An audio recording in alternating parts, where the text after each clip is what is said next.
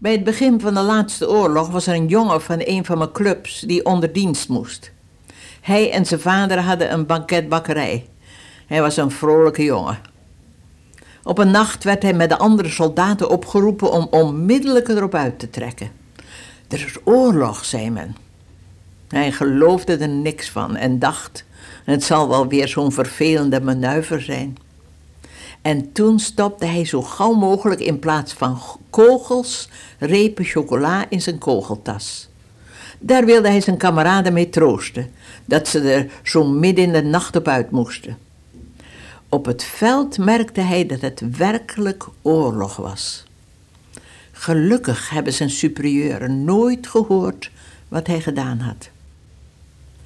Er is een zware strijd op komst en misschien al begonnen. De strijd tussen Jezus Christus en de Antichrist. En ieder kind van God staat of komt in de frontlijn. Willen we vechten met chocola of met kogels?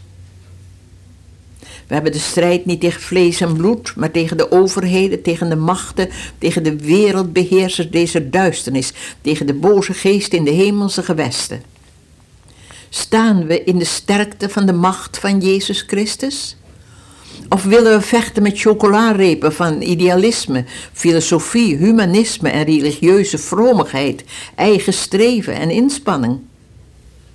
Jezus zei in Handelingen 1, vers 8: Gij zult kracht ontvangen wanneer de Heilige Geest over u komt. De wapenrusting van Efeze 6 heeft geen bedekking voor de rug. God kan geen deserteurs gebruiken. Paulus zegt in 2 Timotheus 2 vers 5 en is iemand een kampvechter, dan ontvangt hij de krans alleen als hij volgens de regels van de kamp heeft gestreden.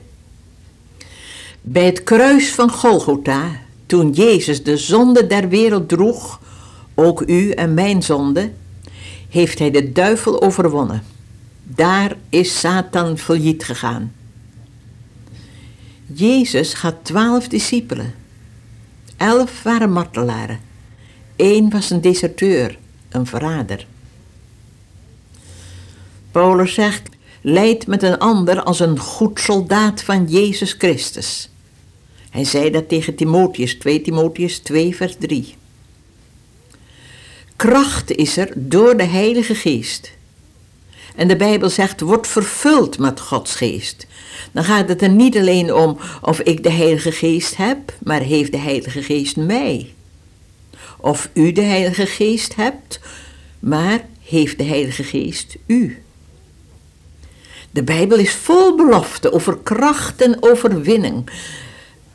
Hij spreekt van meer dan overwinnaars, over de sterkte van Gods macht. Maar dan moeten we ook zo rijk en zo sterk leven en strijden als we in Jezus Christus zijn.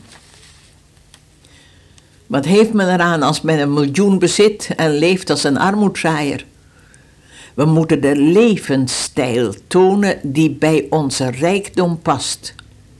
Die levensstijl van een christen moet er een zijn van overwinning, van blijdschap en van overvloed. Een leven dat ons uit de volheid van God geschonken wordt door Jezus Christus. We moeten niet putten uit onze mogelijkheden, maar uit Gods mogelijkheden. Niet aanhaken aan onze beperkte kracht, maar aan Zijn mateloze kracht. De Bijbel spreekt van een nieuwe mens aandoen. Daarvoor is nodig een bekering, een wedergeboorte. De Heer Jezus zei, tenzij iemand wederom geboren wordt, hij kan het koninkrijk Gods niet zien en niet ingaan. Bij de geboorte is een kindje zwak en hulpbehoevend. Het moet groeien. Wij moeten geen hulpbehoevende zwakke kinderen van God blijven. We moeten de checks geschreven in de Bijbel op onze naam incasseren. Een onuitsprekelijke rijkdom. Een liefde die alle verstand te boven gaat. De nieuwe mens moet gaan leven in je. En die moet een weg gaan. Ja, maar welke weg? Jezus Christus is de weg.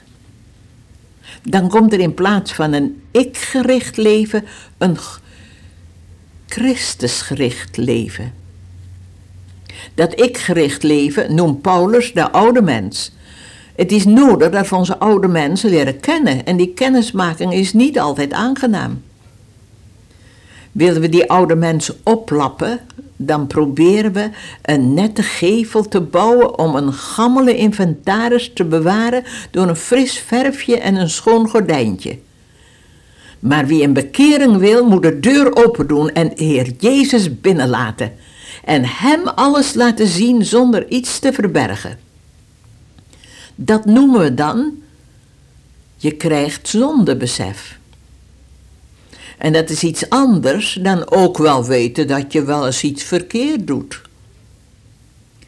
Wie deze ontmoeting gehad heeft en de consequenties daarvan aanvaarden wil, die vindt een nieuwe vorm van leven. Hij doet aan de nieuwe mens. Hij is een nieuwe schepping. We bidden. Dank u, Heer Jezus, dat u het wil doen. Ik kan het niet. Die oude mens van me is zo taai, zo sterk. Maar heerlijk is het dat u de nieuwe mens maakt, dat u in ons wonen wilt door de Heilige Geest en dat we daarom op overwinningsgrond staan in onze strijd met de vele duistere machten. Halleluja, welk een heiland. Amen.